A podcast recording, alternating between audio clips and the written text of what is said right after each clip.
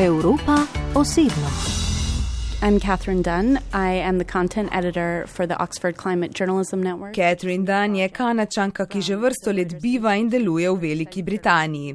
V času najnega pogovora je urednica Oxfordove mreže za okoljsko novinarstvo, kjer novinarje, urednike, pisce usmerjajo in jim pomagajo pri obravnavanju okoljskih tematik. In če spremljate novice zadnjih nekaj let, potem veste, da je poročanje o podnebnih spremembah pereča, boleča, a hkrati tema, tema, s katero se moramo ukvarjati vedno znova. Ko sva se s Catherine spoznali, me je sprijela v avli hotela, v katerem je bivala v Sloveniji, z velikim nasmehom na ustih. Kmalo sva ugotovili, da sva rojeni skoraj istega leta, ob dejstvu, da sva skoraj vrstnici, sva se seveda strinjali, da naj obe skrbi prihodnost našega planeta in posledično našega življenja na njem. Srečali sva se le nekaj tednov po večjem sproščanju proti-covidnih ukrepov ter začetku vojne v Ukrajini, zato pogovora nisva mogli začeti drugače kot pri povezanosti odgovornosti okolja z drugima dvema krizama. Februarja 2020 sem se kot novinarka ukvarjala z energetskim prehodom, o katerem se v teh dneh veliko govori. Že takrat se mi je zdelo, da se nekaj premika na tem področju. Potem je prišla epidemija in bala sem se, da bo ta tema zdrsnila v ozadje, a se na moje presenečenje to ni zgodilo. Res, da se je tema umaknila z prvih strani časopisov, ampak mislim, da je virus le še dodatno pokazal, kako pomembna je biotska raznovrstnost in kako smo ranljivi, ko se zaradi našega vpliva na njo pojavi virus in nam spremeni življenje na svetovni ravni. Deeply our lives could be transformed by a huge global event, right? Kar pa zadeva vojno v Ukrajini, zavedam se, da je ta vojna tudi velika energetska zgodba. Ko se pogovarjamo o tem, imamo v mislih predvsem našo ranljivost in energetsko odvisnost od Rusije. Pa sej to ni nova zgodba, o tem smo govorili že prej. Le da se zdaj bolj glasno sprašujemo, kakšen bo energetski prehod, če države ne bodo več odvisne od Rusije, če bodo denar ulagale v zeleni prehod. Obnovljivi viri so močno geopolitično orodje za decentralizacijo energetskega sistema. Poleg tega pa se tu odpira tudi vprašanje o prehranski odvisnosti. Kot novinarka, ki piše o energetiki, trdim, da tudi če se to zdi energetska gospodarska zgodba, to še ne pomeni, da ni tudi okoljska zgodba. Če to izgleda kot ekonomska zgodba ali izgleda kot politična zgodba, doesn't mean it's not a climate story. In Catherine o tem govori s precejšno mero samozavesti. Svojo novinarsko pot je namreč začela v Kalgariju, središču naftne industrije. Bila je, kot pravi, tečna novinarka, vse čas za petami, ki je naftnim velikanom gledala pod prste. Pisala je denimo o bitki delničarjev v ExxonMobilu, pa tudi o netransparentnosti ESG investicij oziroma o netransparentnosti družbeno odgovornih investicij. V novinarstvu aktivno deluje že desetletje desetletje, nad njim pa se je navdušila še kot najstnica. Njen vzornik je takrat postal ameriški politični satirik in zanimivo republikanec, letos umrli PJ O'Rourke. Odraščala sem v branju časopisov, k branju so me spodbujali starši, s katerimi smo se potem o prebranih novicah pogosto tudi sporekli. Kot veliko najstnikov sem tudi jaz razmišljala, da je novinarstvo povezano s poročanjem z vojnih območij in da gre za zelo razborljiv poklic. Potem se je skazalo, da ni samo to. Ker pa zadeva PG-ja Orurka, čeprav je bil republikanec, je bil zelo zabaven. Takrat sem pomislila, da je odlično, če zmoreš zmešati humor in novinarstvo, se je on na tak način pisal o vojni in absurdnosti človeških konfliktov.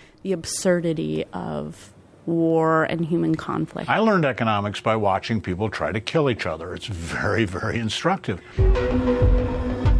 ni postala vojna, ampak gospodarska novinarka. O gospodarstvu je začela pisati zaradi pragmatičnosti, zdelo se ji je, da je tam več služb, pa zdelo se ji je vznemirljivo, saj se v tistem svetu na križišču stikata denar in moč.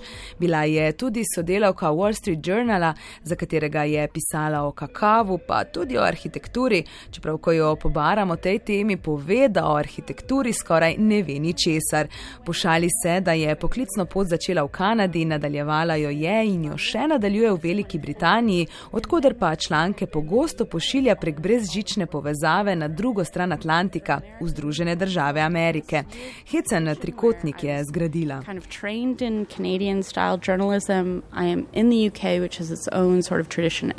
usually worked for Americans. Tako ali drugače pa danes ob vsej tej globalni povezanosti niti ni več pomembno, kje si nastanjen in za koga pišeš. Lahko delaš v Keniji ali na severu Evrope, pa lahko pišeš o enakih stvareh. Je pa vprašanje, ali imaš za pisanje tudi podporo. Danes je kljub vsem številkam, statistikam in grozečim scenarijem težko pritegniti pozornost bravstva, tistim zanikovalcem pa je škoda namenjati čas in pozornost.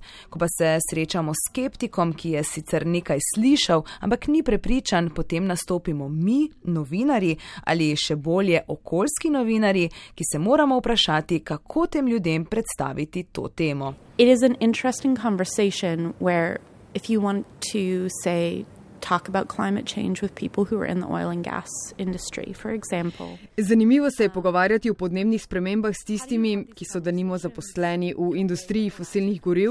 Najprej se vprašaš, kako sploh voditi pogovor.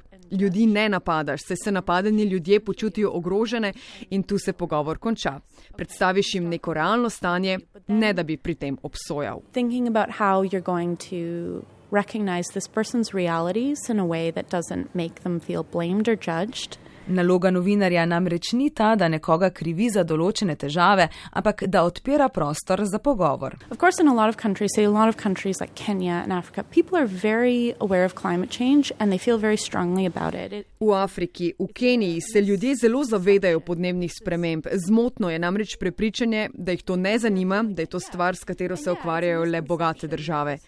Pred kratkim sem se pogovarjala z novinarjem, ki je obiskal Irak. Pravil mi je, da je zelo pomembno, kakšne besede uporabimo pri poročanju. He was talking too about sometimes it's about finding the words to use. So Če recimo nekoga, ki živi na že močno prizadetem območju zaradi podnebnih sprememb, vprašaš le, kako se ob tem počuti, morda ne boš dobil zadovoljivega odgovora. Tell me about your livelihood. Tell me about farming in this region. Tell me how it's changed. Potem pa ga vprašaš, naj povem, kako je kmetovati v tem okolju, kako se je okolica spreminjala skozi leta, kako so se spreminjali letni časi. Tako se jim bo zdelo, da so slišani. Ljudi moraš angažirati in jih seveda kot novinar obiskovati v njihovem domačem okolju. You kind of have to be willing to meet people where they are. Podatki so pomembni, dobro znanstveno raziskovanje je ključno, ampak to, da naredimo zgodbe lokalne, da na zgodbo prilepimo obraz, to je bistvo vsega. There's a huge debate about whether or not you should show progress that is being made if that means you're sugarcoating the realities. Veliko je vprašanj na področju poročanja o okoljski krizi, če je na trenutke sploh zaželeno prikazati tudi določen napredek v družbi, čeprav se včasih zdi, da le olepšuješ realnost. Opažam pa tudi izmikanje pisanju o podnebnih spremembah, češ, da je brezupno, da tako ali drugače ne moremo nič pomagati na tem področju. V stiku sem z novinarji v Nigeriji, ki mi pravijo, da brez težav govorijo z okoljskim znanstvenikom iz Združenih držav, ampak ni jim pa čisto jasno, ali je to nekdo, ki mu bodo bravci zaupali. Zato predlagam, da se pogovarjajo z nekom, ki prihaja iz te skupnosti, nekom, ki ve, s čim se spopadajo. Draw the relevance to that local community and how it's affecting them. Catherine Dunn verjame, da imamo novinari pomembno poslanstvo, ki se v teh burnih časih še bolj jasno izrisuje. Ko jo izzovem in vprašam, ali kdaj čuti tudi nespoštovanje, sploh v zadnjih letih smo novinari pogosto označeni za lenuhe, za lažnivce, pravi, da ja. Pogosto so temu podvrženi tudi tisti, ki poročajo o aktualnih političnih zadevah, niso pa iz tega izuzeti niti tisti, ki poročajo o znanosti. Tudi v luči zadnjih dveh let, ko se je v javnosti pojavilo mišljenje, da znanstveniki lažejo in posledično lažejo tudi novinarji. I think in a lot of countries, politicians making journalists the enemy. Mislim, da je veliko politikov, ki novinarje označujejo za svoje sovražnike. To ste lahko spremljali v Združenih državah, to lahko spremljate v svetu. Vidimo lahko, da nismo tarča samo mi, v zadnjem času so na tnalu tudi znanstveniki. Čeprav mislim, da se je razumevanje posameznika o delovanju znanosti povečalo, pa se vedno najde tudi neka manjšina, ki bo kritizirala vse, kar ne bo v skladu z njihovimi prepričanji. Podatki, s katerimi operira znanost, jih ne zanimajo. Skozi 20. stoletje so se vedno dogajali napadi populistov na novinarje, nevladne organizacije in znanstvenike. V tem nismo sami. Um, and also, like, yeah, NGOs. So I think it's not just us. A da zapeljeva ta pogovor v še nekoliko bolj lahkotne vode, da ne bova samo črnogledi, Catherine Dunn spregovori še malce o svojem času, ko tega ne posveča delu. Sicer je v tem trenutku pri Oxfordovi mreži za okoljsko novinarstvo zaposlena za polovični delovni čas, druge delovne ure pa izkorišča kot svobodnjakinja. Čeprav nima ravno veliko prostega časa, ako si ga vzame, ga izkoristi za druženje s svojim, kot v smehu pravi, porednim psom. His name is Griff. He's a very bad dog. Da, njegovo ime je Grit in je eh, res zelo poreden pes. Um, če kar tako povem, rad nosi moje spodnje perilo in zadnjič me je nekdo vprašal, ali se mu ga jaz nadela. Seveda ne, no, pred nekaj dnevi si je na glavo spet poveznil moje perilo. Morda pa je to namig, da si pes želi svoja oblačila. Šalo na stran, Catherine se rada sprošča ob kuhanju, ob katerem pozabi na delo, rada gosti prijatelje, predvsem pa je všeč, ko nepričakovano odkrije kakšen kulinarični dragulj. Zelo rada kuham in pri vas sem jedla nekaj izjemnega, regratovo solato z jajcem in panceto. To je bilo tako dobro. Paradič s krompirjem in panceto. Zagotovo si bom to pripravila doma. Jaz prihajam iz mesta, ki se je ukvarjalo s čezmerno rastjo regrata in zdaj vidim, da je to morda rešitev za nas. Nikoli prej sploh nisem pomislila, da bi jedla regratovo solato. I've never had a dandelion salad before.